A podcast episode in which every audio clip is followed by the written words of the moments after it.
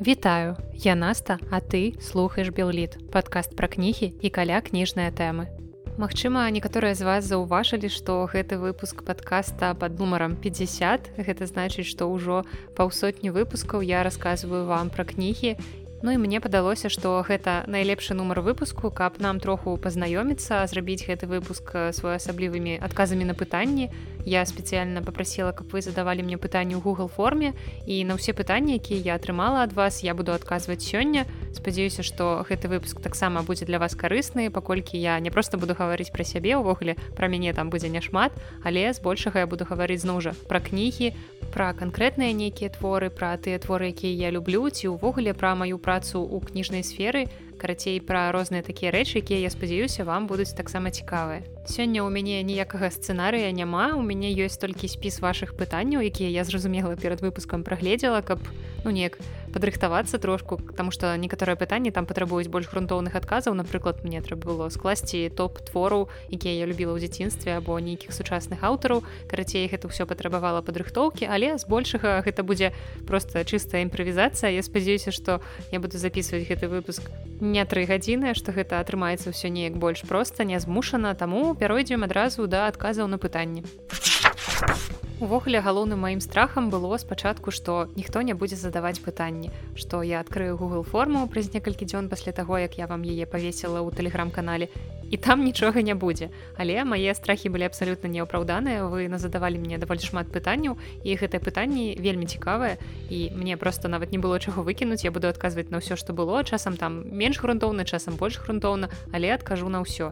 І адразу пачынаем з першага пытання. Гэта пытанне ад паліны, ці працуеце вы час ад часу рэдактаркай або карэктаркай і тут я адкажу мне здаецца грунтоўна бо я не просто працую гэта яшчэ ўвогуле моя спецыяльнасць. Бо я скончыла беларускае аддзяленне філфака гэта літаратурна-рэдакцыйны кірунак і ў маім дыпломе напісана акрамя таго што я просто філолог выкладчык беларускай мовы магу працаваць у школцы таксама напісана што я літаратурна-рэдакцыйны супрацоўнік. І мне вельмі прыемна казаць і бачыць гэтыя кнігі з маёй рэдактурай карэктурай якія вы таксама можете знайсці ўжо цяпер на паліцах кнігарню. Напрыклад калі калі прывесці нешта такое самае свеженькае што ўжо выйшла з друку гэта карэктура рамана прачынаюся ў сібуі і чэшскай пісьменніцы Анны цымы гэта кніга нядаўна выходзіла ў выдавестве янушкевич і таксама я нядаўна скончыла рэдактуру адной проста выдатнай кнігі гэта пераклад сучаснага польскага рамана і я спадзяюся што кніга ўсё ж пабачыць свет на працягу некалькіх месяцаў наступных. І пакуль я не буду нічога вам раскрываць але кніга просто шыкоўная. І дарэчы гэта заўсёды самая цяжкая ў працы калі ты вось сваю частку зрабіў ты зрабіў карэктуру зрабіў рэдактуру але пасля пасля цябе працуюць яшчэ нейкія людзі напрыклад калі ты быў рэдактарам то пасля цябе яшчэ працуе карэктар вярстальшчык і ты вось зрабіў працу але ты чакаеш все роўна некалькі месяцаў пакуль вось нарэшце ты зможаш ну падтрымаць скажем у руках вось гэты папяровы вынік сваёй працы. І ўвогуле мне здаецца чалавек задаў мне простае пытанне на якое ён чакаў адказу так ці не а я тут вось гэта расцікашыся мыслі ў падреве але мне здаецца у тым сэнс гэтага выпуску каб я неяк паразважала на тэмы якія цікавы цікавыя не толькі мне але і вам. І вось я спадзяюся што на пытанне паліны я адказала так даволі грунтоўна яшчэ одно пытанне ад паліны і паколькі яны ішлі запар я подазраю што гэта одна і тая ж паліна. І гэтае пытанне гучыць так. Якая у вас любимая дзіцячая кніга ад беларускага аўтара? І вось тут мне давялося падумаць калі гэтае пытанне упершыню прачытала. І мне тут захацелася расказаць канкрэтна пра тыя кнігі якія я чытала сама ў дзяцінстве якія мне спадабаліся менавіта тады калі я была дзіцем а не тыя дзіцячыя кнігі якія я чытаю цяпер якія мне падабаюцца цяпер. Я спрабавала нешта ўспомніць такога больш ранняга дзяцінства але ў галаву мне нічога не лезла ні беларускіх аўтараў ні нейкіх замежных а потым просто раптоўна гэта адбылося мне ўспомнілася як я ў дзяцінстве ўпершыню пазнаёмілася з творчасцю янкі маўра і паула місько. Гэта такія самыя яркія мае успаміны з дзяцінства з беларускай літаратуры. Вядома што ў першага гэта былі банальныя палескія рабінзоны я некалькі гадоў таму іх перачытвала ўсё так жа люблю гэты твор. Але расказаць я вам хачу ўсё ж такі ну калі я вырашыла што ўж трэба расказаць больш грунтоўна пра дзіцячую літаратуру маю то раскажу вам пра іншы твор пра іншы твор янкі маўра які я полюбіла ў дзяцінстве які магчыма не такі вядомы можа быть некаторыя з вас мне здаецца упершыню пачуюць назву гэтага твора. І вядома мне здаецца што ён будзе для сучасных дзяцей не такі цікавы бо там дзейнічаюць галоўныя героі такія тыповыя савецкія школьнікі піянеры але для мяне вось тады малой гэты твор быў просто адкрыццё. Я яго перачытала прачытала дакладней з вялікім задавальненнем. Я дагэтуль яго даволі добра памятаю і ва ўніверсітэце потым перачытвала і ўсё яшчэ ён мне вельмі падабаўся. І вось зараз я таксама хачу неяк перачытаць у больш сталым узросце каб неяк ну замацаваць свае ўражанні. І твор гэты называется твт назва гэтага твора расшыфроўваецца як таварыства ваяўнічых тэхнікаў або таксама яшчэ ёсць поўная назва зараз я зачытаю поўная назва гэтага твора гучыць як твт або апавяданне пра тое як піянеры ўзбунтаваліся супраць уціску рэчаў і здзівілі ўвесь свет як яны навучыліся бачыць тое чаго іншыя не бачаць і як цыбук здабываў ачкі такая вось доўгая вялікая назва і ў прынцыпе ўвесь змест кнігі тут і перададзены і гэты твор быў напісаны здаецца ў 30 гады ў пачатку 30-х гадоў. І гэта гісторыя пра пяцікласнікаў якія раптам вырашылі што яны жывуць у палоне рэчаў што нейкія рэчы гэтыя увесь час ламаюцца і вось яны тады вырашылі што яны будуць самастойнымі што яны будуць свае рэчы самі рамантаваць сваімі ж рукамі. І зразумела што гэты твор ну апісанне твора гучыць як нейкая такая агітка запрацоўнае выхаванне і ў тыя часы у прынцыпе ён я думаю з той жа мэтай і пісаўся але насамрэч вось гэтыя ну банальныя ідэалагічныя рэчы яны тут пададзеныя вельмі класна у такой гульнявой форме вельмі захапляльнай форме і гэта добрая і зусім не новая ідэя для бацькоў якія хочуць неяк прывучыць дзяцей да нейкіх спраў па гаспадарцы з маленства банальнае там прыбіраць за сабой мыць посуд і все такое. І гэтыя рэчы просто трэба ператварыць у гульню і ў гэтым творы школьнікі ствараюць таварыства ваяўнічых тэхнікаў яны пішуць статут таварыства яны вырашаюць што ад гэтага моманту будуць все рамантаваць самастойна каб рэчы ўжо не мелі над імі такой улады. Напрыклад калі ў цябе там гузік адарваўся ты не чакаеш пакуль прыйдзе мама з працы пакуль яна прышые яго бярэш прышываеш сам ну і ты ўжо не маленькі і вось так з усімі бытавымі дробязямі часам увогуле нават не дробязямі і такое тэхналагічнае піянерства. І цікава што калі маур гэту аповесць анансаваў на з'ездзе пісьменнікаў ссср то Масім горкі нават прасіў каб гэты твор хутчэй пераклалі на рускую мову тому што яму ён вельмі спадабаўся і ён хацеў бы каб па-руску таксама нешта такое ж было. І гэтая аповесць маура дарэчы выйшла раней чым вось нам добра вядомая дзіцячая кніжка на гэтую тэму. Гэта цімур его каманда гайдара.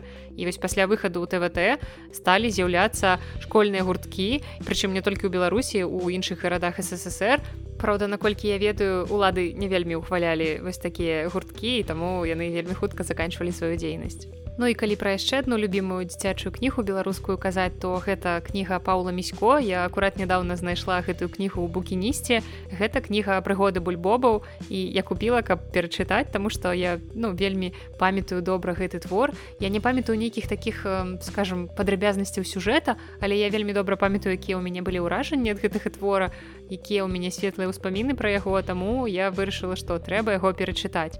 І гаворка ў гэтым творы вядзецца ад імя шчанюкоў булькі і Боба. Яны трапляюць у розныя прыгоды што ясна з гэтай назвы. І мы сочым за імі ад самага нараджэння за працэсам сталення як яны спасцігаюць свет. І я вельмі добра памятаю што гэтая кніга была неверагодна смешнай вельмі светлай.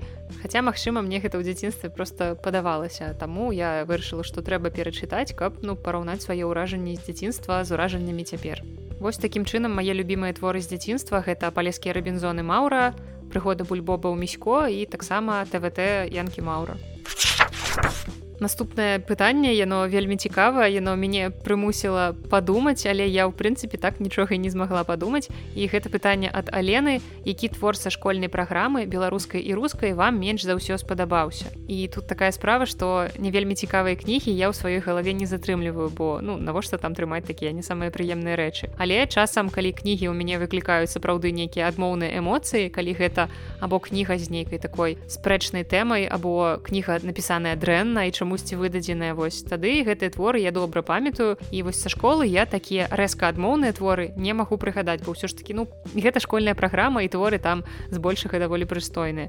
Ну мы можемм ясна там спрачацца наконт тэмаў ці варта там гэтыя творы у гэтым узросце падаваць або ці можа гэтыя творы састарэлыя але ну таких супер дрэнных твораў у школьнай праграме ясна што няма. І вось акрамя школьнай праграмы я ўвогуле чытала самастойна шмат твораў сапраўды цікавых сапраўды захапляльных. Таму ўражанне вось ад гэтай Мачыма не самыя цікавыя не самыя захапляльнай школьнай праграмы у мяне нівеліраваліся маімі кнігамі якія я чытала па ўласным жаданні. Але вось напрыклад я добра памятаю што ў школьнай праграме па рускай літаратуры мне вельмі не падабаўся герой нашего времени лермонтова я вось шчыра зараз нават не ўзгадаю пра што гэты твор. Я абсалютна не памятаю якая ў яго тэма пра што ён чым ён мяне так абурыў. Але я вельмі добра памятаю вось самі гэтыя адмоўныя эмоцыі ад кнігі яны ўва мне гэтыя эмоцыі так глыбока заселі што цяпер нават я гэту кнігу баюся перачытваць А з беларускай літаратуры я ўвогуле вось нічога такога надта яркага ў дрэнным сэнсе прыгадаць не магу што вот хіба толькі памятаю калі мы вывучалі ваенную паэзію я не магла чытаць вось гэтых усіх броўку куляшова увесь гэты гераічны пафас про тое што вайна гэта просто ўсё вельмі страшна трагічна. Не вось я цяпер асабліва таксама паэзію ці прозу з гераізацыі ці рамантызацыі вайны чытаць не магу і ўжо са школы мне ўсё гэта не падабалася зразумела Ну і гэта ўжо потым цяпер я вырасла я пачала чытаць часам не вельмі добрыя кнігі якія ўва мне выклікаюць праведны гнеў і таму я можа быць і завяла падкаст каб з вами тут дзяліцца гэтымі ўражаннямі не самымі прыемнымі каб бомбіць на нейкія кнігі бо навошта гэта мне захоўваць у сабе калі можна падзяліцца з вами наступнае пытанне ад крысціны. Ці робіце вы нейкія паметкі ў кнізе падчас чытання? Гэта такая тэма вельмі спрэчная тому что я паводле меркавання некаторых маіх знаёмых меркавання нейкіх рандомных людзей у інтэрнэце буду гарэць у пекле за тое што я вось так абыходжуся з кнігамі бо ясна што мне з дзяцінства рассказывалі што са сваімі рэчамі з чужымі рэчамі асабліва трэба быць вельмі акуратнай але мне ўсё гэта рассказывалі без фанатызму. Бо дзякую бацькам што у мяне вобраз кнігі як святыні не склаўся ў галаве. У мяне няма такога ўспрымання. І я разумею што калі вы напрыклад абедаеце калі чытаеце кнігу то ну не варта мачаць старонкі ў боршч але вось калі вы з кнігай працуеце калі для вас кніга гэта не проста нейкае хобі хобі а для вас гэта частка працы як вось для мяне ўласна то абсалютна нармальна ў кнізе пісаць. І скажу больш страшныя рэчы пісаць не толькі алоўкам але таксама можна пісаць і ручкай. Прыкіньце так можна. І зразумела што калі гэта ваша нейкая асабістая кніга што гэта не бібліятэчная не суседская кніга у суседскіх бібліятэчных не не пішыце я памятаю што недзе год таму я ехала ў тралейбусе убачыла як дзяўчына дастала з торбы такую тоўстую кнігу гэта была волшебная гара тома самана. Яна разгарнула кнігу на апошніх старонках і я зразумела што замест таго каб выкарыстоўваць закладку яна дагэтуль просто заклала старонку. І я ў думках толькі парадавалася такой вось разняволенасці тому что многія як мне здаецца просто ад такога відовішча здрыгануліся і для мяне гэта было абсалютна натуральна бо кніга гэта просто кніга і я магу сказаць гэтую такую крамольную фразу за якую мяне можна спаліць на вогнішчы што кніга гэта просто папера гэта шмат паперы. Ну не заўсёды шмат але пераважна шмат. Таксама гэта кардонная вокладка. І сама кніга сябе абсалютна нічога не ўяўляе. І можна казаць тут такімі духоўнымі метафізічнымі тэрмінамі што кніга гэта толькі абалонка гэта не душа а душа кнігі ўнутры і яна заключаецца у тэксце. У тэксце уласна які можа быць не толькі папяровым ён можа быць і электронным і нават аўдыофарматам але многія людзі электронныя кнігі аўдыокнігі ўвогуле не ўспрымаюць і кажуць што гэта не кніга таких людзей я не магу зразумець як чалавек які працуе з кнігай у мяне заўсёды аранжавы маркер алова касатка гэта памочнікі і нават калі я чытаю кнігу просто каб адпачыць калі гэта для задавальнення робіцца все роўна ёсць вялікая верагоднасць што я ў кнізе буду пісаць і я амаль заўсёды ў кнігах пакідаю свае пазнакі зразумела калі гэта моя кніга не бібліятэчная я там нейкія цікавыя месцы выдзяляю важныя сюжэтныя нейкія хады кампазіцыі стылістычныя моманты ці просто нейкая цытата прыгожая мне спадабалася я там таксама пакідаю нейкія свае каменты надпісы і потым праз некаторы час калі я можа быть захачу перачытаць гэтую кнігу Мачыма не цалкам а нейкія такія выбраныя моманты то вось я магу разгарнуць і паглядзець якія моманты мне найбольш спадабаліся ў папярэднія разы. Так што я вам дазваляю спакойна рабіце са сваімі кнігамі ўсё што вам захочацца гэта не святая карова і у адваротна мяне ну ніхто ніколі не пераўпэўніць мне здаецца. І я таксама яшчэ калі атрымала гэтае пытанне у маёй галаве я зразумела што чалавек магчыма не задаваў мне гэта з нейкім такім падтэкстам чалавек просто вось цікавіцца ці пазначаю я нешта ў кнігах. Але ў мяне ускалыхнулася мноства ўсяго ў галаве бо гэта тэма з якой мне даволі часта даводзіцца не тое каб спрачацца з людзьмі але ў прынцыпе размаўляць і бачыць чужыя іншыя меркаванні. І вось мне падалося што у нашы часы кніга дагэтуль успрымаецца як нейкі сакралізаваны аб'ект што чытанне гэта ўвогуле нешта такое сакральнае нейкая сакральная дзея да якой не ўсе могуць дацягнуцца. Бо ўсё яшчэ вельмі часта я чую такія здзіўленыя воклічы кшталту Ого а ты чытаеш? Ну прикінь я читаю ага. Таму давайте просто перастанем романтызаваць чытанне гэта не нейкая таямніца доступная вось асабліва адораным. І калі б мы ставіліся да кніжак неяк прасцей мне здаецца што было б больш людзей якія любілі чытанне і у старэйшага пакалення не ўзнікала б гэтых прамоваў палымяных про тое што ох это маладзёж совсем нічого не чытает бо пакуль я вельмі часта бачу дзве крайнасці і першае гэта Ого ты чытаеш ты типа разумная а другая крайнасць гэта фу ты чытаеш траціш час лепш бы сірык паглядзела ёсць яшчэ асобная катэгорыя людзей моя любимая гэта катэгорыя я не чытаю мастацкія кнігі гэта трата часу толькі нон-фікшн па самаразвіцці толькі хардкор тут я просто прайду міма бо гэта можна цэлы выпуск подкаста запісаць з маім праведным гневам на гэтую тэму. І таму падгульняючы адказ для крысціны так я раблю пазнакі я раблю надпісы ў кнігах і вельмі люблю гэтую справу усім рэкамендую. 10 з 10 наступнае пытанне прыляцела ад Аксаны яна пытаецца выглядзіце кніжных ютубераў калі так то якіх? Тут таксама можна было даць даволі кароткі адказ што так гляджу пералічыць якіх і я сапраўды даволі часта гляджу YouTube гэта пераважна расійскія польскія каналы. І гэта амаль заўсёды не нейкая сур'ёзная літаратурная крытыка ці агляды і мае густы вельмі спецыфічныя. Так што я не ведаю ці ўвогуле ну магу сабе дазволіць вам нешта раіць бо больш змястоўная ў мяне ўсё ж такі ў падпісках сярод падкастаў ці там ну я читаю дастаткова вялікую колькасць сур'ёзнай літаратуразнаўчай літаратуры. Таму на Ютубе я больш адпачываю з нейкімі кніжнымі навукова-папулярнымі каналамі. І многія каналы кніжныя якія я гляджу яны увогуле забаўляльныя. Напрыклад вось магу параіць ну як магу ну карацей на, на ваш страх і рызыку. Канал анкл шурик аўтар якога вельмі часта робіць агляды на розныя трэшовыя кнігі. Напрыклад гэта нейкія кнігі блогераў расійскіх ці модныя кнігі па самаразвіцці абсалютна розныя і ясна што я ніколі ў жыцці гэтай кнігі чытаць не буду на які ён робіць агляды. Але для мяне гэта ну такі гумарыстычны ролик вось хтосьці глядзець КВН хтосьці камедзі клапа я гляджу дядзю шурыка. Таксама часам мне просто візуальна ці неяк на слых падабаецца вядучыя каналы ці у нас нейкі літаратурны густ падобны. Вось напрыклад кожны відос польскага блогера окунь в сеці для мяне гэта просто творкі на мастацтва ён вельмі класна расказвае пра цікавыя кнігі здымае ўсё гэта неверагодна прыгожа. І наколькі я ведаю яго праца звязаная са здымкамі відэа таму ён робіць гэта ўсё даволі прафесійна.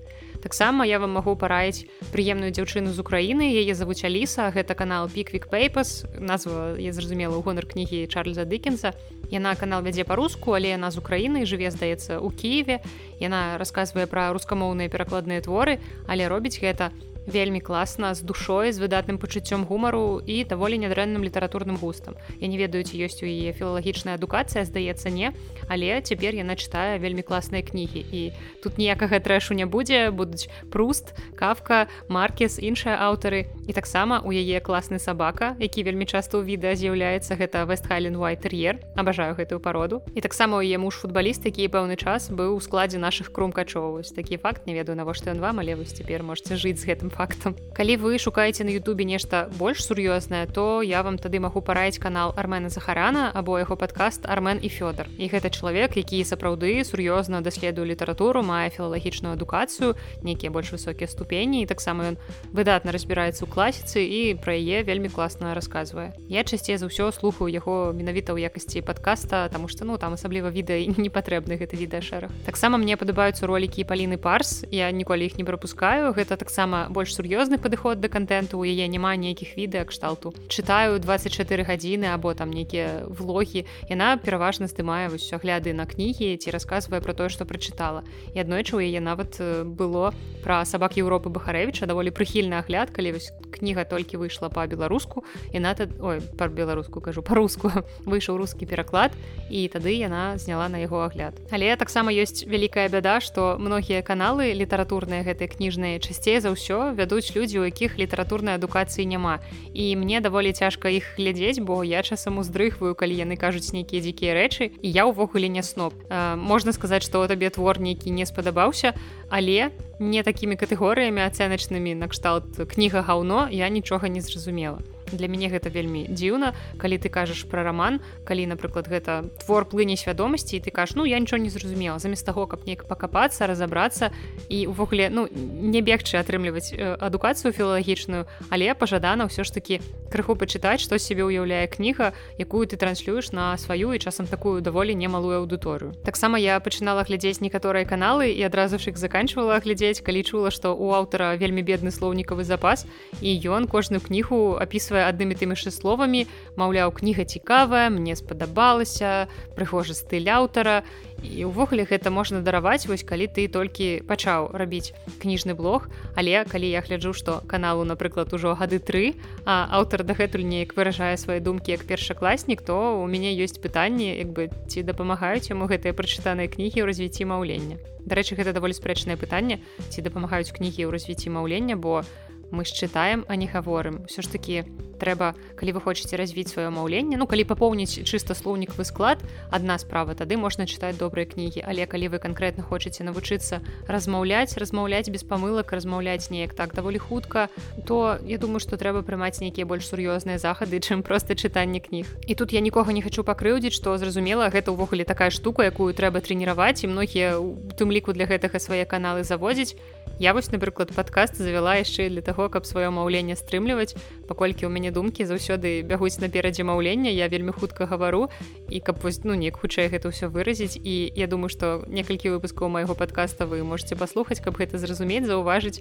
І звычайна нейкія чужыя падкасты я слухаю усе на хуткасці два але аднойчы я ўключыла свой падкаст на хуткасці два я яго паслухала вельмі доўга смяялася бо там конечно было ўсё вельмі незразумела. Але я трэніруюся размаўляць не неяк больш марудна. Сённяшні выпуск мне здаецца будзе хуткім і сумбурным тому что я акурат не напісала сцэнарый да яго Таму выбачаюся я трэніруюся. І рэзюмуючы скажу што можа я не так грунтоўна адказала на гэтае пытанне але ў наш час сапраўды блогаў кніжных на YouTube існуе вялікая колькасць. У параўнанні з тым што было калі я толькі пачынала свой шлях гледача Ютуба калі гэтых каналаў было зусім мала і не ўсе былі вельмі якасныя але нават тады ўжо знаходзілася нешта цікавае.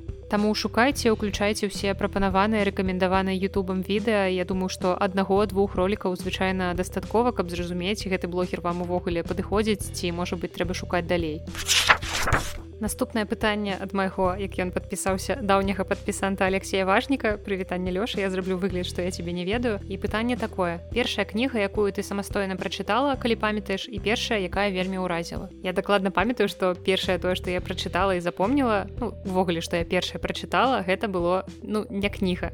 Калі мне было трошки больш за тры гады і зразумела што яшчэ ніхто дома не думаў што трэба неяк сур'ёзна мяне вучыць чытаць гэта неяк все так арганічна склалася само атрымалася мы праводзілі час разам з бабуляй ляжалі з ёй на ложку ну просто пра нешта размаўлялі і з ложка добра было відаць вялікую скрыню якая у нас на шафе стаяла і на скрыні было мноства розных надпісаў і вось менавіта гэтыя надпісы сталі першым што я прачытала ўвогуле ў сваім жыцці. Вось менавіта па іх бабуля мяне навучыла чытаць. І вось гэтыя надпісы якія там былі абсалютна бессэнсоўныя для мяне на той час. Яны у мяне ў галаве адклаліся. Гэта порт назначэння як дыня і маса брута маса нетта і вось такі факт што я навучылася чытаць па скрынцы з розным барахлом і мяне гэта дагэтуль вельмі моцна весяліць таму можна сказаць што гэта была першая скрынка якую я самастойна прачытала. А вось першую канкрэтна кнігу якая мяне сапраўды ўразіла я не магу згадаць нічога такога ў галаву не прыходзіць. Я добра памятаю там некаторыя такія яркія кнігі якія мне вельмі ў дзяцінстве падабаліся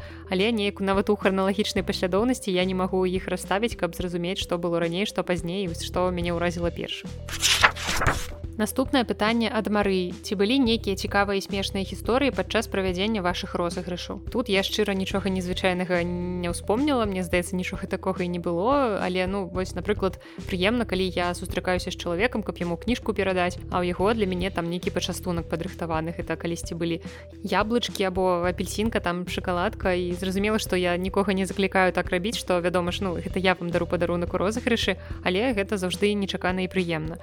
І таксама у мяне да дагэтуль ляжаць дзве кнігі тому что пераможцы розыгрышаў неяк не выйшлі на сувязь не адгукнуліся на паведамленні. Прычым гэтай кнігі ўжо даволі даўно ляжаць. Але ў асноўным мне здаецца нічога незвычайнага ці смешнага не было. Я ну просто кнігі перасылаю поштай або перадаю недзе ў горадзе. Наступнае пытанне ад алексея яно вельмі важнае яно вельмі актуальна і пытанне гучыць так што робіш калі становіцца цяжка займацца любімым хобі? То бок падкастамі. Як даць рады выгаранню? Адказ гэты вельмі просты. Як мне здаецца ён датычыць проста любой сферы дзейнасці маёй. Я просто перастаю гэтым займацца. Вось толькі я пачынаю адчуваць нейкі мінімальны дыскамфорт ад таго што я раблю я перастаю гэта рабіць. Вось гэта выключна мае ментальныя асаблівасці што я не заўсёды магу быць аднолькава прадуктыўнай у любой сферы маёй дзейнасці ці хобі. І калі вось я раніцай прачынаюся і разумею што мне хочацца проста ляжаць то я просто ляжу. Галоўнае што праца дазваляе мне берагчы неяк сваю кукуху і я маю магчымасць калі мне хочацца паляжаць просто паляжаць. Ну і падкаст я сваім хобі не лічу у мяне ўвогуле мне здаецца нейкая праблема з work and life balance але мае хобі яны плаўна перацікаюць перацікаюць у працу і наадварот праца перацікае ў хобі. Таму я не памятаю нейкіх такіх сур'ёзных сітуацый выгарання калі падкасты канкрэтна мне надакучвалі і ну ці проста неяк цяжка стала гэтым займацца. Звычайна перапынкі ў падкастах якія бываюць яны звязаныя з праблемамі у іншых сферах майго жыцця пераважна гэта здароўе ментальнае здароўе і не звязаны з тым што я канкрэтна ў падкастах выгарыла ці увядзенні нейкіх блогаў. Бо я вельмі люблю записывать падкасты. За гэтыя 50 выпускаў я зразумела наколькі моцна мне гэтая справа падабаецца таму выгарання ў мяне пакуль ад падкаста не было. І не ведаюць увогуле я магу даваць нейкія парады ў гэтай вобласці але калі вы адчуваеце што ваша хобі ваша праца перасталі вам прыносіць задавальненне то варта задумацца спыніцца. Мачыма вы просто стаміліся вы загналі сябе недастаткова адпачывалі. І ўвогуле так можна самую любімую справу пачаць ненавідзець. І у мяне яшчэ есть такая праблема што я заўжды себе папракаю маўляў наста ты робіш недастаткова ты могла пра рабіць больш стаўце лайк калі вы таксама так часам звяртаецеся да сябе. Але ў такія моманты акурат важна гэта распазнаць своечасова сябе спыніць і вось гэтаму вашаму унутранаму крытыку сказаць што я раблю дастаткова я раблю менавіта столькі колькі вось мае фізічныя мае псіхічныя сілы ў дадзены момант мне дазваляюць і вось мяне тады гэта трошки адпускае попускае і вельмі важныя рэчы які ўвогуле ў нашым свеце вельмі недаацэненая гэта адпачынак і сон. І лепш зрабіць перапынак у справе лепш адпачыць а потым дарабіць яе пазней калі у вас будуць сілы. Чым рабіць нешта і зразумела што калі вы там хірург які акурат у гэты момант робіць нейкую складаную аперацыю вы так не зможаце зрабіць. Але калі у вашай працы няма пытанняў жыцця і смерці то вы просто можете спыніцца і адпачыць. Амаль заўсёды ёсць магчымасць спыніцца. Я разумею што ёсць розныя умоўнасці розныя сітуацыі але ну мне здаецца што ў большасці выпадкаў гэта магчыма. І потым мы просто пачынаем гэта ўсё з новымі сіламі і праверана ўласным вопытам што гэта нашмат больш прадуктыўна чым калі вы спрабуеце нешта дарабіць. Робіце гэта ўжо на апошнім дыханні і на выхадзе атрымліваецца нейкае абы што і дарэчы я даўно хачу пачытаць нейкія кнігі на тэму выгарання таму калі я нешта цікавае на гэтую тэму знайду то я з вами абавязкова падзялюся. а Наступнае цікавае пытанне прыйшло ад вадзіма. Якія олдскульныя перыядычныя выданні вельмі падабаліся раней і падабаюцца зараз. Ці чытаеш штосьці кшталту альманаха партизан, мне ён вельмі падабаецца, ці цікавісці гісторыі, можа зрэдку чытаеш часопісы наша гісторыя і архе. Тут у мяне адразу в'етнамскія флешбекі, я памятаю, як на першых курсах універа я шукала адзін пэўны выпуск часопіса партызан толькі таму, што там была фотасесія і здаецца інтэрв'ю з янам маузерам салістам гурта маузер і гэта канешне моя слабасць тады была была. Ну і сам часопіс увогуле я раней перыядычна пачытвала, але ў мяне ўвогуле цяжкасці з перыядычнымі выданнямі. Я не тое, каб вельмі часта іх чытаю, напрыклад, ва ўніверы мне даводзілася часта сутыкацца з імі. Гэта выданні кшталту там полымя, маладосць, нёман, вось гэтыя ўсе літаратурныя тоўстыя часопісы. І цяпер таксама я да гэтых старых выпускаў часопісаў звяртаюся ў сваёй нейкай літаратурнай дзейнасці, калі там рыхтую выпуск падкаста пра канкрэтнага беларускага пісьменніка ці пра канкрэтны твор. Вось часопіс архэ я толькі гартала а нашу гісторыю я збіраю я ўсе выпускі маю перыядычна іх пачытваю і зразумела што яшчэ прачытала не ўсе выпускі але я стараюся. І вельмі люблю калі там вось у нашай гісторыі трапляюцца нейкія літаратурныя артыкулы. Таму не магу сказаць што я нейкі вялікі спецыяліст па перыядычных выданнях але ну зрэць часу чытаю Далей будзе маё любімае пытанне якое я вельмі часта чую. Гэта пытанне ад арцёма. Як атрымоўваецца так шмат чытаць? Адкуль грошы на кнігі? Я адразу адкажу на другую частку пра грошы на кнігі. Мне 28 гадоў. Я здаецца дарослы здаецца сур'ёзны нават чалавек. Я працую я зарабляю грошы я купляю кнігі і ну увесь сакрэт у гэтым. І нават калі я была студэнткай дарэчы я тады яшчэ не працавала жыла на одну стыпендыю все роўна аднекуль у мяне атрымлівалася гэтыя кнігі здабываць. Я думаю что просто кнігі заўсёды шлях да мяне знойдуць. І тут просто справа ў тым як вы прыярытэты расстаўляеце. Таму мой лайфхак вельмі просты працуйце і зарабляйте грошы на кнігі. Ну ад першая частка пытання як я так шмат чытаю тут ну справа не ў нейкай хуткасці як многія думаюць. Я читаю не хутка. Я читаю звычайна нормально просто я маю на чытанне трошки больш часу. Таму что чытанне гэта частка маёй працы і я маю на чытанне больш часу чым людзі якія вось таксама чытаць любяць але напрыклад яны займаюцца нейкай іншай дзейнасцю і ў іх застаецца час на чытанне толькі вось перад сном. Допустим ці калены едуць там у транспарце на працу. А я часам увогуле магу увесь дзень чытаць тому что ну такая у мяне праца. Тут яшчэ у гэтым пытанні ёсць адваротны бок ці трэба звычайнаму чалавеку так шмат чытаць як я чытаю. Бо калі вы чытаеце для душы для нейкага ўласнага задавальнення то гнацца за колькасцю абсалютна не патрэбна асабліва калі чытанне кніг вам не прыносіць грошы Так што не думайце пра то як шмат чытаць думайце пра то як чытаць больш якасна. І нават той час які у вас ужо ёсць як яго ну неяк так раўнамерна выдаткаваць каб час на чытанне у вас сапраўды быў і ну тут выключна пытанне прыярытэтаў. а Наступнае пытанне задае Масім злыдзень. Дарэчы вельмі мілае пытанне. Распавядзі хто з літаратурных герояў беларускай класікі для цябе ідэальны хлопец і ідэальная дзяўчынка калі казаць пра пачуцці і справы.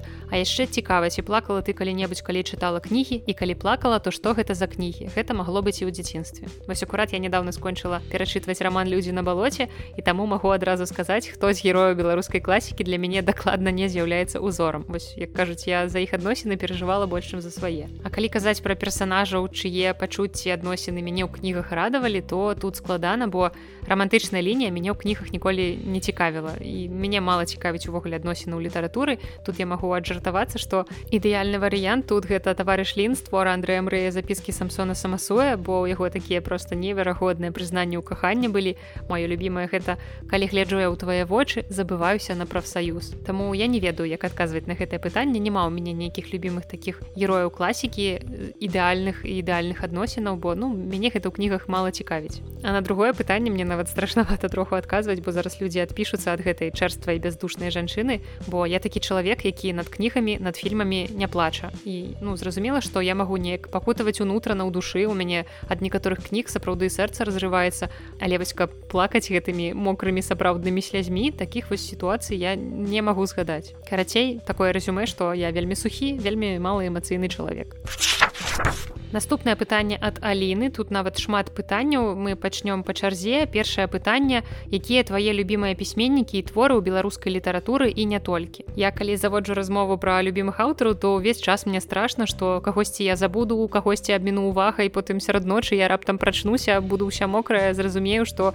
што ж гэта я з такое нарабіла вось гэтага я не назвала а вось гэтага не згадала як я магла. Таму я на такія пытанні стараюся казваць як мага радзей. Ну калі неяк так акрэсліць казаць агульна якія мае любімыя аўтары нават творы канкрэтныя называць не буду. Я просто згадаю такі скажем пул аўтараў якія мне падабаюцца ў беларускай літаратуры напрыклад з такой больш класічнай літаратуры я бязмежна люблю Масіма гарэцкага мехася зарэцкага гэта просто неверагодна недаацэненыя аўтары якіх цяпер як мне здаецца чытаюць не так шмат. У школе праходзіць але гэта такі ну вельмі малы адсотак іх творчасці. І ну школьнікі просто не паспяваюць убачыць увесь усе межы таленту гэтых людзей. Таму я вам вельмі раю звярнуцца да Масіма гарэцкага і мехася зарэцкага. Тым больш што пра гарэцкага я рабіла цэлы два цэлыя выпускі подкаста дзе рассказывала пра яго біяграфію пра яго творчасць.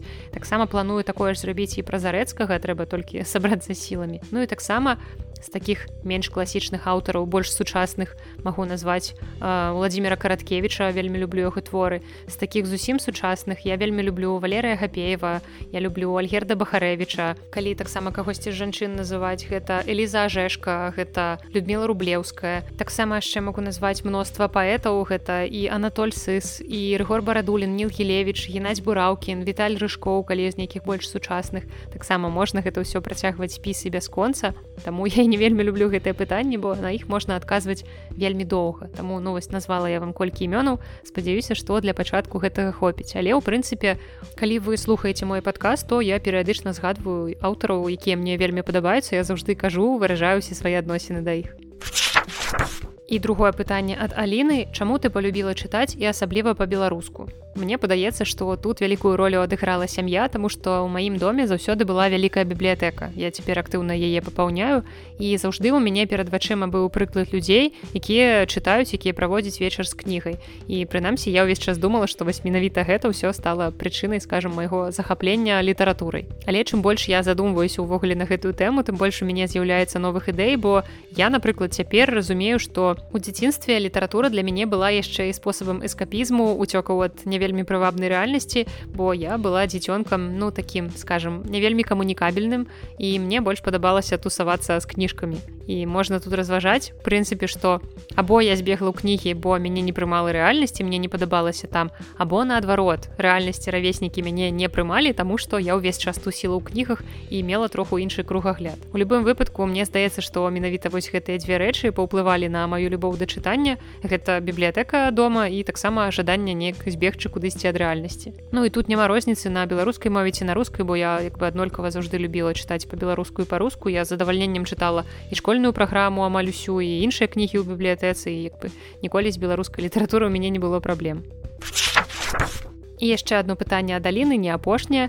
Як табе наогул прыйшла ідэя стварыць падкаст пра беларускую літаратуру? Я думаю што я ўжо некалькі разоў на гэтае пытанне адказвала і хуценька паўтаруся бо я люблю слухаць падкасты. Я лічу што падкасты гэта новы чорны. Я раблю гэта шмат ужо гадоў як бы ну больш за тры гады дакладна. І мне здаецца што за падкастамі сапраўды будучыня паколькі я бачу як актыўна гэты кірунак развіваецца ў іншых краінах я бачу што падкасты прыходзяць у Беларусь таксама зараз даволі актыўна. І свой падкаст я вырашыла стварыць бо неяк мне стала у тэкставым фармаце даволі цесна бо там ёсць пэўныя рамкі памер стыль. А вось у падкасці я магу просто гаварыць як я гавару ў жыцці і будзе класна. Я запісала яшчэ один падкаст. Мне стала мало майго падкаста. Я вырашыла што мне патрэбен яшчэ адзін. І разам з маёй калегай з настай мы запісалі падкаст ад нашай працы. Мы працуем разам у кнігарні кніжная шафа і вось мы вырашылі што нашай кнігарні патрэбен падкаст. І вось у гэтым падкасці мы будзем расказваць пра тое чым увогуле жыве наша нашая кнігарня нейкія цікавыя гісторыкі у нас адбываюцца таксама мы будзем раіць кніжкі якія мы самі любім чытаем якія у нас ёсць на кніжных паліцах Ну і ўвогуле будзем адказваць на ваши пытанні першы выпуск ужо доступны вы можете яго паслухаць у apple подкастах у таксама здаецца на кастбоксе ўжо ён доступны і карцей усе спасылкі я вам пакіну у апісанні да гэтага выпуску таму цяпер мяне з маёй калегай можна будзе чуць у новым падкасці і апошняе пытанне ад Аліны ці падабаецца табе глядзець экранізацыі на кнігі якія ты чытала часцей за ўсё што табе падабалася больш кніга або фільм Ой мне здаецца што я з тых занудных людзей якім кніга заўсёды лепш. І ў пераважнай большасці выпадкаў для мяне гэта сапраўды так хаця я магу сказаць што ёсць некалькі экранізацый якія аказаліся не горш а часам нават лепш за кнігу і нават не некалькі. Мне здаецца даволі шмат такіх экранізацый. Вось што з першага прыходзіць у галаву гэта фільмы форест гамп або мальчик у паласатай піжаме якія аказалі аказаліся на галаву вышэй затворы паводле якіх былі знятыя або напрыклад сіяние кубрыка яно не горш за роман стывена кінга ці калі вось яшчэ з экранізацыі кінга прыводзіць прыклады то гэта і зялёная міля і пабег шоушынка гэта ўсё просто легендарныя кнігі легендарныя фільмы і дарэчы стывену кінгу не заўсёды так шанцуе часцей за ўсё экранізацыі стывена кінга гэта поўная абы што Таму я бяздумна адразу не асуджаю экранізацыі бо ну ніколі не ведаеш як яно там атрымаецца. І у мяне таксама ёсць яшчэ такая праблема што я рэдка гляджу фільм ці серыял да таго як я прачытаю кнігу асабліва калі гэта нейкі вядомы літаратурны твор бо бываюць фільмы якія заснаваны на нейкіх там нікому невядомых кнігах тады я не запарваюся я гляджу адразу кіно. Але калі гэта выпадак з нейкімі класічнымі творамі ці з нейкімі бестселлерамі то тут я заўсёды стараюся ўсё ж таки кнігу спачатку прачытаць. І просто вы не ўяўляеце колькі ў мяне так адкладзена патэнцыйна класных фільмаў ці серыялаў гэта просто страшно ўявіць Наступнае пытанне прыйшло ананімна, хацелася б запытацца пра анекдоты ў літаратурных творах. Вы шмат чытаеце ці здараецца сустракаць у раманах эпізоды, дзе персонажы расказваюць анекдоты. Можа маеце падборку любімых анекдотаў з літаратурных твораў. І тут трэба сказаць, што анекдоты я ўвогуле не вельмі люблю. Я з таго пакалення, што яшчэ ў глыбокім дзяцінстве некаторыя анекдоты чула, але потым усё ж такі мы раслі на мемах на дэматыватарах і таму анекдоты я часцей чую ад людзей нейкага старэйшага пакалення, а сама ну мне здаецца зараз ніводнага анекдота так не ўспомню але ў кнігах я памятаю што я дакладна сустракала анекдоты даволі часта Праўда ну зноў жа я іх не запамінаю але каб вас тут без гумару не пакідаць я раскажу нешта накшталт анекдота. Бо ў тыя дні пакуль я рыхтавалася да гэтага выпуску я чытала ну і прынцыпе цяпер працягваю чытаць бо кніга вялікая.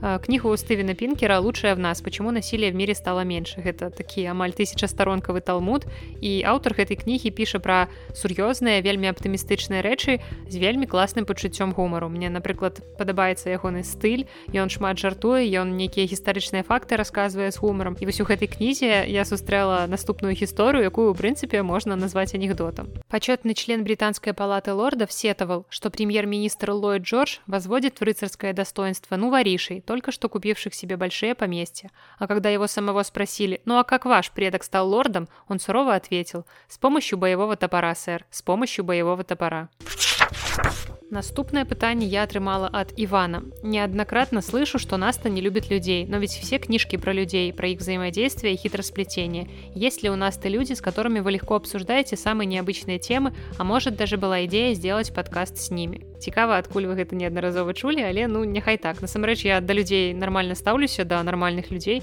але спецыфіка працы ў кнігарні такая, што даволі часта даводзіцца сустракацца з людзьмі. І з людзьмі вельмі рознымі і ўсё гэта зразумела чалавека самалюбства мне не дадае. Таму не магу сказаць што я стосоткавы мезантроп тут залежыць ад сітуацыі. І на шчасце на працы мяне напрыклад атачаюць выключна добрыя людзі. І вось калі вяртацца да пытання пра людзей з якімі лёгка абмяркоўваць розныя тэмы то некаторых гэтых людзей вы уже чулі ў гэтым падкасці напрыклад два сярожы выпускі з якімі я вельмі люблю і спадзяюся што яны яшчэ не раз у маім падкасці з'явіцца Ну і таксама я вам ужо анансавала новы падкаст кніжная шафа які мы записываем разам з маёй калегай настай і ўвогуле калі мы вось так збіраемся наста сярожы яшчэ таксама нашы калегі то калі мы размаўляем без мікрафона у мяне ўжо з'яўляецца гэтая прафесійная дэфармацыя што вось мы столькі ўсяго абмяркоўваем літаратурнага і такія вось просто суперскія выпускі падкаста губляюцца. Таму я скажу што я не мезантроп я вельмі абмежаваны чалавека люб які не вельмі любіць у сваё жыццё пускаць людзей але тыя людзі якія ўжо пэўным чынам апынуліся ў маім жыцці яны ўсе вельмі класныя і паразмаўляць з імі можна не толькі пра літаратуру але таксама і пра многія іншыя рэчы.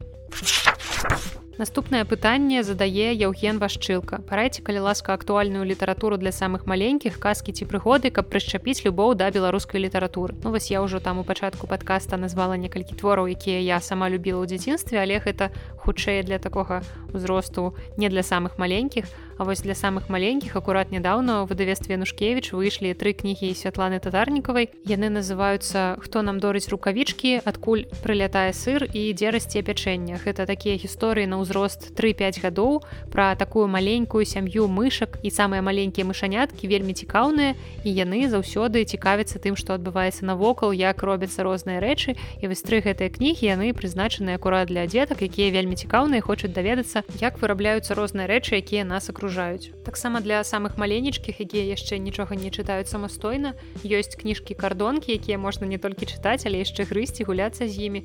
Напрыклад, у выдавестве коска выходзіла кніга серыі пра крумкача і мамуму. Гэта пераклад са шведскай мовы кнігі Юі Весландер і Свена Нуртквіста, які пераклала Надзя Кандрусевіча і гэта кніга крумкач кажа нельга. такая кніжка кардонка, з якой цікава пагуляцца, пагартаць яе. І таксама такая кніжка кардонка ёсць у выдавестве галіяфы. Гэта кніга вядомага аўтара сусветна вядомага класічнага эрыка Карла. Кніга называецца вельмі галодны вусень гэта такая класіка дзіцячай літаратуры вельмі прыгожая з вельмі крутымі незвычайнымі ілюстрацыямі. Такія зробленыя калажы. І гэта такая спецыяльная аўтарская тэхніка за якую ён у прынцыпе стаў вядомы ва ўсім свеце. Вось гэта для такіх зусім малых дзетак кніжкі кардонкі. І такога ж кшталту ёсць цэлая вялікая серыя ў выдавестве папуры дзе шмат кніжак кардонак. Яны усе там по-рознаму называюцца пра тое што трэба лічыць да 5 або жывёлы на ферме і гэта кнігі яны не просто кардонныя яны яшчэ інтэрактыўныя там можна розныя элементы варочаць там можна розныя часткі круціць разгортваць. Карацей вельмі цікавыя кніжкі яны не толькі пазнавальныя нейкія яны яшчэ і развіваюць маторыку у дзетак таму раю вам на іх звярнуць увагу. Але калі адказваць на пытанне про тое як прышчапіць любоўлі да літаратуры я не ведаю. Ніхто не ведае няма нейкай магічнай кнігі якая вось выдалі сваім дзецям і ўсё ваши дзеці аўтаматычна сталі суперчытачамі. Просто спрабуйце рознае. Галоўнае звяртайце увагу на якасныя кнігі якія вам самім падабаюцца. Хаця даволі часта дзіцячы густ абсалютна не супадае з густам яго бацькоў. Напрыклад у нас ёсць такая серыя у кнігарні прадаецца кацёнак шмяк называется і для мяне і для многіх бацькоў гэта такія даволі страшненькія кніжкі з не вельмі прыемнымі ілюстрацыямі. Але дзеці безмежна любяць гэтага шмяка яны прыбягаюць яны хапаюць усе кнігі якія ёсць у наяўнасці. І нават калі дзеці гэты ўжо ну 6 гадоў і больш які ўжо ў прынцыпе могуць чытаць нармальныя кнігі а ў шмяку там ну недзе адзін радок два радкі на старонку і даволі такія буйныя літары.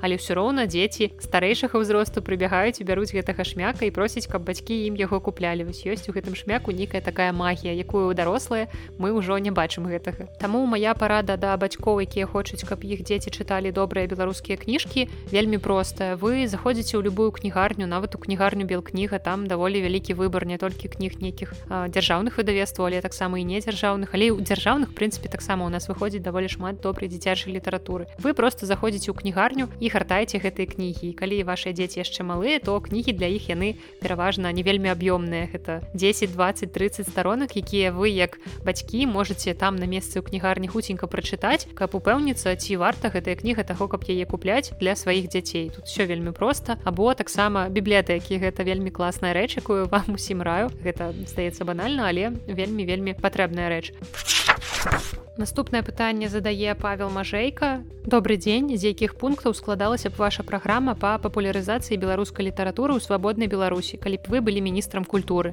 Ой тут можна запісаць таксама асобны выпуск падкаста, насамрэч мноства розных фактараў, але першы пункт праграмы, як мне падаецца, гэта поўны перагляд школьнай праграмы. Таму што як я ўжо казала раней, у школьнай праграме ў прынцыпе ёсць даволі шмат твораў, якія ўжо састарэлі. У нас зараз з'яўляецца даволі шмат сучас сучасных класных твораў для дзяцей для подлеткаў якія варта аператыўна ўключаць у школьную праграму. Тому что гэтыя творы якія там за некалькі гадоў яны ўжо прайшлі пэўную праверку часам яны зачытваюцца да дзірак просто людзі стаяць у чэргах у бібліятэках каб узяць гэтыя кнігі калі іх няма ўжо ў кнігарнях. Тут вельмі вельмі патрабуе школьная праграма аператыўнасці бо кнігі застойваюцца кнігі маюць некаторыя свой скажем так тэрмін прыдатнасці і некаторыя творы сапраўды яны актуальныя ў любыя часы але некаторыя творы са школьнай праграмы яны былі цікавыя школьнікам напрыклад майго пакалення або пакалення маіх бацькоў але ўжо абсалютна незразумелыя і нецікавыя сучасным школьнікам. І не тое каб там былі нейкія супер патрэбныя рэчы якія ўсім абавязкова трэба ведаць. Не гэтыя творы абсалютна спакойна можна выкідаць школьнай праграмы. Няхай яны застаюцца ў гісторыі літаратуры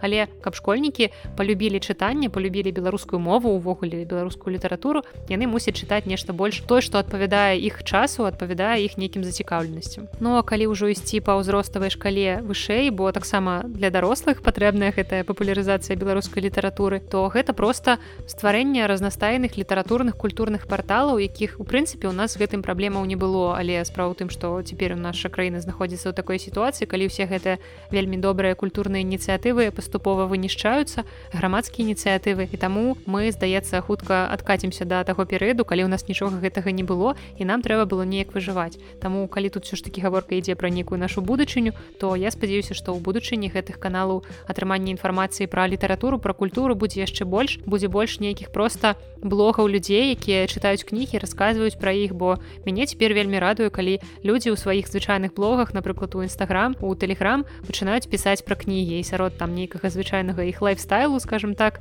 нейкіх э, фото з кавай або селфі пачынаюць з'яўляецца фото кніг і фото беларускіх кніг. Просто любыя ініцыятывы зразумела развіваюцца нашмат лепш калі яны маюць пэўную падтрымку. Дзяржаўную не абавязкова дзяржаўную але калі напрыклад дзяржава не робіць ніякіх перашкодаў на шляху да нейкай мэты. Гэта не абавязкова можа быть нешта фінансавае але ў плане доступу да інфармацыі але паколькі у нас зараз у беларусі вынішчаюцца розныя недзяржаўныя арганізацыі грамадскія то культурныя то нават з доступам да інфармацыі у нас ёсць пэўныя праблемы і пакуль мне неяк складана мысліць катэгорыямі у свабоднай беларусі бо я стараюся рабіць тое што магу прынамсі у той сітуацыі у якой мы цяпер знаходзімся я не магу глядзець у нейкую будучыню аптымістычна або песімістычна мне вельмі складана з нейкім такім больш далёкім планаваннем таму вось нейкія свае гэтыя пункты праграмы папулярызацыі беларускай літаратуры я наколькі змагла настолькі агучыла некалькі пытанняў прыйшло ад Георгія. Першае пытанне што больш падабаецца фантастыка ці рэалізм? Тут складана. Мне здаецца што ў мяне тут акурат сітуацыя калі 50 на 50 я вельмі люблю і фантастычную літаратуру і рэалістычную літаратуру. Хаця ў дзяцінстве я больш аддавала перавагу фантастычнай літаратуры. Як я ўжо казала гэта былі спосабы ўцёкаў ад рэальнасці. Але цяпер я аднолькава люблю і тое тое чытаю і фантастыку і рэалістычную прозу таму не магу выдзеліць нешта больше нешта менш. а другое пытанне ці карыстаецеся ресурсамі накшталт фантлаб.ру ці патрэбны такія ресурсы на беларускай мове? Так фантлабам я даволі часта карыстаюся гэта класная крыніца інфармацыі наконт фантастычнай літаратуры наконт нейкіх навінак якія выходзяць у розных выдавецтвах. І зразумела што на беларускай мове такі ресурс патрэбен але наколькі рэлевантна яго з'яўленне цяпер паколькі ў беларускай літаратуры фантастычны кірунак яшчэ не настолькі развіты. У нас зразумела ёсць некалькі аўтараў фантастаў але іх пакуль не набярэцца на нейкі сур'ёзны на літаратурны портал. А калі маецца на увазе тое што на беларускай мове просто ресурс пра фантастычную літаратуру увогуле сусветную то гэта зразумела вельмі класна. Я вельмі падтрымліваю такую ініцыятыву і абавязкова зразумела буду чытаць калі у нас такі ресурс раптам з'явіцца і таксама трэцяе пытанне ад Георгія электронная ці папяровая кніга. І тут таксама у мяне няма прамога адказу бо я чытаю і электронныя і папяровыя кнігі. І я ўжо там у самым пачатку подкаста разважала про тое што для мяне гэта просто крыніца доступу да інфармацыі або электронная або папяровая. І таксама я вельмі часто слухаю аўдыокнігі для мяне няма ніякай розніцы. Але заўважыла што папяровыя кнігі я чытаю троху хутчэй таму стараюся чытаць часцей папяровыя. Але калі варыянтаў няма то ну электронная кніга мяне абсолютно абсолютно задавальняе наступнае пытанне задае павел як правільна чытаецца твой нік на лайфліп. Ну лайфліп калі хто не ведае гэта такая сацыяльная сетка для чытачоў кніг гэта расійскі аналаг сусветнага гудріц і мой нік там x бог x першы апошні x гэта просто для прыгажосці а ў цэнтры слова бог ну у сэнсе як некая гэта міфічная істота. Ніякіх глыбокіх сэнсаў у гэтым ніку не шукайце я просто ўсё лянуюся яго памяняць Наступнае пытанне ад надзеі. У якім узросце вы перайшлі цалкам на беларускую мову ці з маленства на ёй размаўляеце. Ці цяжкі быў гэты пераход. Як ставіліся сябры і сваякі. Калі суразмоўца размаўляе па-руску, вы зім на якой мове шчыры дзякуй. Адразу скажу, што мае родныя мовы гэта і руская і беларуская. І мае бацькі размаўлялі па-руску, але мае бабулі дзядулі, які ў вёсцы яны размаўлялі, ну не скажу на чысцюткай беларускай, але скажем так на трасянцы. І таму я заўсёды арганічна чула і беларускую мову і рускую мову і размаўляла на той і той мове ў залежнасці ад сітуацыі напрыклад у мяне ніколі не было праблемы з тым каб у школе на уроках размаўляць па-беларуску хаця я чула што у некаторых маіх знаёмых на уроках настаўніца беларускай мовы і літаратуры размаўляла па-руску я надавала заданні чытала то што ў падручніку напрыклад ці тлумачыла нейкія правілы па-беларуску але ў астатнім камунікацыя вялася на рускай мове.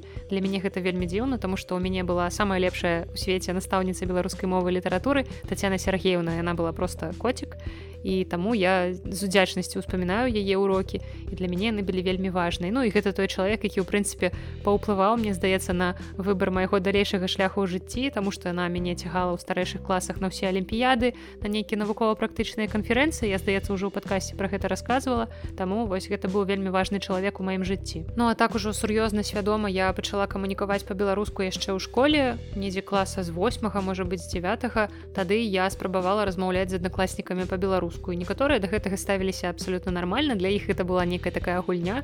Мы напрыклад з аднакласніцамі некаторымі ладзілі беларускамоўны чацвер і ў гэты дзень мы стараліся ўвесь дзень паміж сабой размаўляць па-беларуску. Яны зразумела там троху губляліся але для мяне гэта было неяк ну натуральна не змушана я ў тыя часы ўжо актыўна пісала вершы і на рускай на беларускай мове і мне было лёгка ў прынцыпе па-беларуску размаўляць. Ну а цяпер я карыстаюся рускай беларускай мовамі і у мяне амаль усё маё кола блізкіх людзей яно беларускамоўнае сваякі таксама нармальна да гэтага ставіцца вось моя бабуля напрыклад яна нарадзілася ў ашхабадзе бабуля якая па маці. Яна нарадзілася ў ашхабадзе яна большую частку жыцця жыла у іншых краінах не ў беларусі. Яна шмат гадоў пражыла ў літве напрыклад і беларуская мова для яе няродная яна яе не ведае. І таму ну як бы з бабулі мне было б вельмі дзіўна размаўляць па-беларуску. Але бацькі ну абсалютна нармальна да гэтага ставіцца мой бацька напрыклад нарадзіўся ў вёсцы і заўжды раней калі ён вяртаўся ў вёску калі там яшчэ былі жывыя і бабуля і дзядуля ён заўжды размаўляў з імі на вось гэтай мове ну на трасянцы скажем так але не так як ён размаўляе ў горадзе. Горадзе ён размаўляе звычайнай рускай мовай. Ну а маці у мяне гарадская але беларускую мову вучыла ў школе таксама ведае можа цытаваць нават нейкія вершы чытала творы нейкіх класікаў шамякі на караткевіча дакладна ведае таму з сям'ёй праблема ў мяне не ўзнікала. Ну а калі гэта нейкія не вельмі знаёмыя людзі якія камунікуюць са мной напрыклад па-руску я з імі размаўляю па-беларуску. Калі ведаю што гэты чалавек беларус і ён разумее беларускую мову. Зразумела што калі я буду размаўляць з нейкім замежнікам і калі ён папросіць мяне перайсці на рускую мову ці там на іншую мову якой я таксама валодаю якой ён валодае то без праблем перайду але калі беларусы просяць мяне пераходзіць на рускую мову просто таму што ім так зручней то я ніколі гэтага не раблю. Тут у гэтым пытанні я прынцыповая. Ну і мабыць мне просто пашанцавала што ў мяне даволі рана з'явілася нейкае гэтае кола людзей з якімі я магу камунікаваць па-беларуску. Зразумела спачатку гэта было недзе ў інтэрнэце нейкія чаты перапіскі форумы. Але потым усе гэтыя размовы перайшлі ў рэальнае жыццё ну і вучылася я на беларускім аддзяленні філфаку зразумела хаця там не ўсе мои аднагрупнікі а дакладней большая частка маіх аднагрупнікаў па-беларуску не размаўляла ў паўсядзённым жыцці але таксама там нейкага э, дрэннага стаўлення да сябе таму што я размаўляю па-беларуску я не адчувала. І увогуле ніколі у мяне не было нейкіх такіх сітуацый я не памятаю нейкіх дыскрымінацый з моўнага боку наступнае вялікае пытанне прыйшло ад лусіне. Вітаю. Па-першае хацела бы вам вельмі моцна падзякаваць за вашу працу. Вы бачылі маю рэакцыю калі я нарэшце адшукала падкаст пра літаратуру на беларускай мове самы сапраўдны джекпот. Тут вялікі дзякуй конечно за добрыя словы. А пытанне ў мяне будзе такое. Ці не маглі б вы трошачку больш распавесці пра сябе адкуль вы дзе вучыліся дзе працуеце пра свой асабіста літаратурны шлях як і што пачыналі чытаць як змяняўся густ ці пішаце вы самі асабліва цікава. Яшчэ б задавальненнем бы паслухала пра ваше стаўленне да літаратурнай крыты крытыкі і крытыкаў асабліва беларускіх. Я адносна свежая слухачка так чтобы выбачаюся калі гэтая тэма ўжо ўздымалася. Ну і апошняе пытанне а мабыць нехто ведае якіх беларускіх пісьменнікаў і пісьменніц вы параілі беларускаму чытачу які хоча ўзбагаціць калі так можна сказаць сваю беларускую мову. Просто чыя мова вам падаецца найбольш багатай чыстай але пры гэтым жывой. Загадзя дзякую. Пачну адказваць па чарзе. Спачатку пра сябе трошки больш распавесці адкуль я дзе вучылася.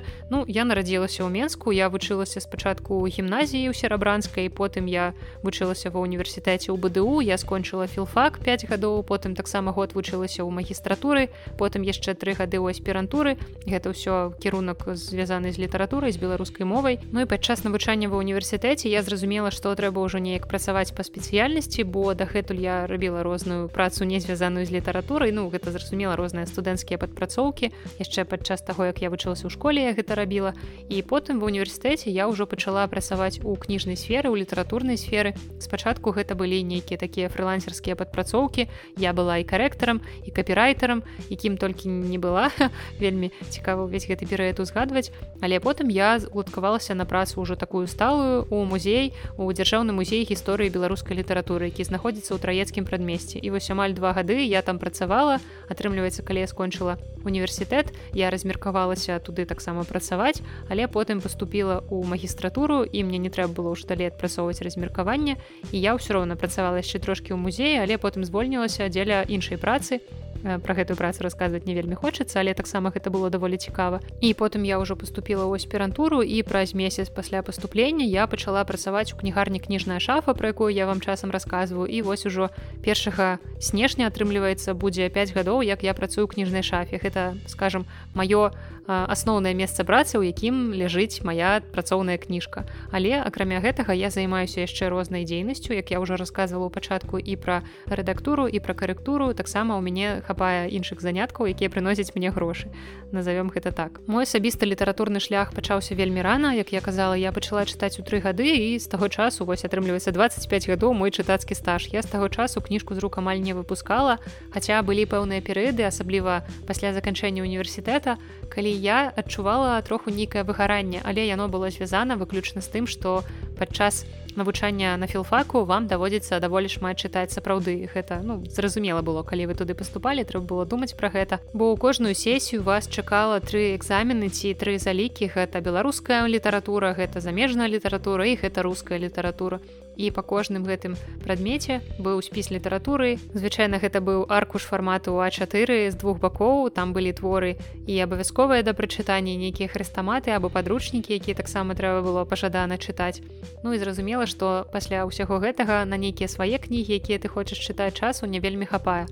А калі ты заканчваеш універсітэт або калі ты там здаеш сесію і летом адпачываеш табе ўжо дакладна не да чытання. Таму мой літаратурны шлях ён ну, працягваецца ўсё жыццё і што я пачынала чытаць ну я чытала звычайна дзіцячыя кніжкі. Ўсё што у мяне было дома я чытала. На шчасце гэта была даволі вялікая бібліятэка таму я вельмі рана перайшла ад такіх зусім дзіцячых кніг да нейкай больш сур'ёзнай літаратуры. Я памятаю што я даволі рана прачытала творы кшталту хобіту ладар пярсцёнку гэта адбывалася там зусім у дзяцінстве. Потым маё жыццё прыйшоў гары поттер я думаю як і у многіх хто рос разам з гары поттером так і я У прынцыпе просто чытала ўсё што траплялася под руку гэта былі ну звычайна добрыя класічныя творы або нейкая дзіцячая літаратура сучасная. Я вельмі любіла дзіцячыя дэтэктывы гэта серыя чорны кацёнак дагэтуль вельмі добра памятаю усе гэтыя вокладкі.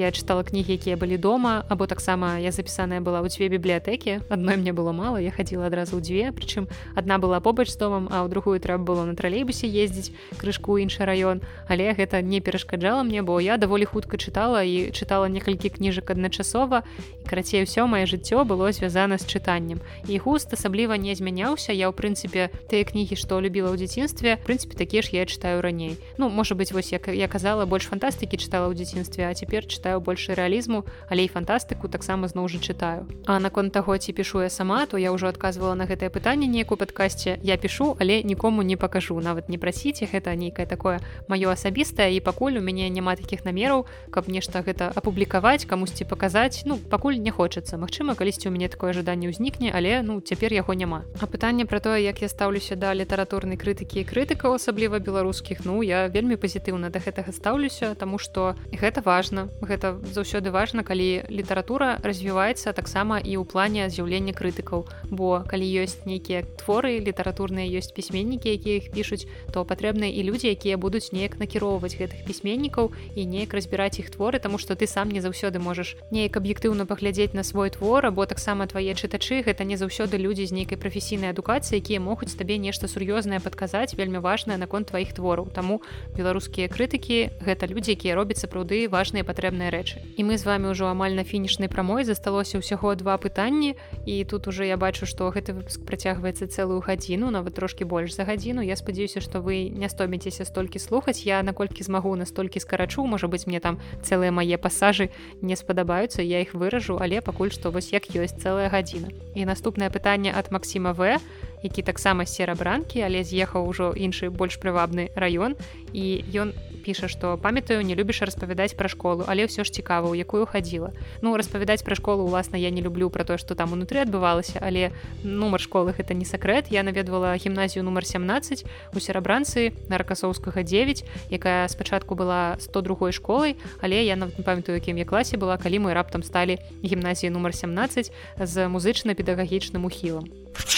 а і апошняе пытанне ад Івана наколькі шмат водгукаў праслухоўванню у вашага падкаста цяпер. Хочацца верыць што ён вельмі прасоўвае нашу літаратуру якія самыя яркія моманты можаце ўзгадаць за гэты час. Насамрэч даволі складана адсачыць поўную статыстыку паколькі падкаст з'яўляецца на розных пляцоўках і не на ўсіх пляцоўках можна нармальна гэтую статыстыку адсочваць. Таму я шчыра кажучы не асабліва за гэтым сачу я стараюся толькі чытаць усе каментарыі на пляцоўках на якіх можна атрымліваць гэтыя каментарыі вось на кастбоксе на Apple подкастах я заўжды гэта сачу і аператыўна рэагую не калі там ёсць нейкія пытанні. І таму я не ведаю колькі водгукаў праслухоўванню ў падкаста ўвогуле вось магу толькі казаць пра нейкія канкрэтныя месцы. Напрыклад на soundundcloud вы можете наўпрост глядзець колькі людзей праслухала гэты выпуск поставила лайк або зрабіла рэпост. Ну а з прыемных момантаў магу напрыклад згадаць тое што часам да мяне ў розных месцах падыходзяць людзі і запытваюць ці тая я наста з подкаста белліт яны мяне пазналі па голасе. Гэта заўжды вельмі прыемна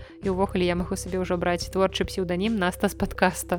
Ну часцей за ўсё слухачоў падкаста я сустракаю ў мяне на працы калі да нас у кнігарню прыходзяць людзі і вось наўпрост там мне дзякуюць за падкаст кажуць нейкія добрыя рэчы і гэта заўжды вельмі прыемна. Праўда я заўсёды губляюся ў такіх сітуацыях я чырванею не ведаю што сказаць і гэта ўсё просто таму што я такі чалавек не вельмі камунікабельны. Але вы ўсё роўна кажыце гэта неверагодна прыемна і гэта вельмі моцна матывуе вы просто не ўяўляеце наколькі.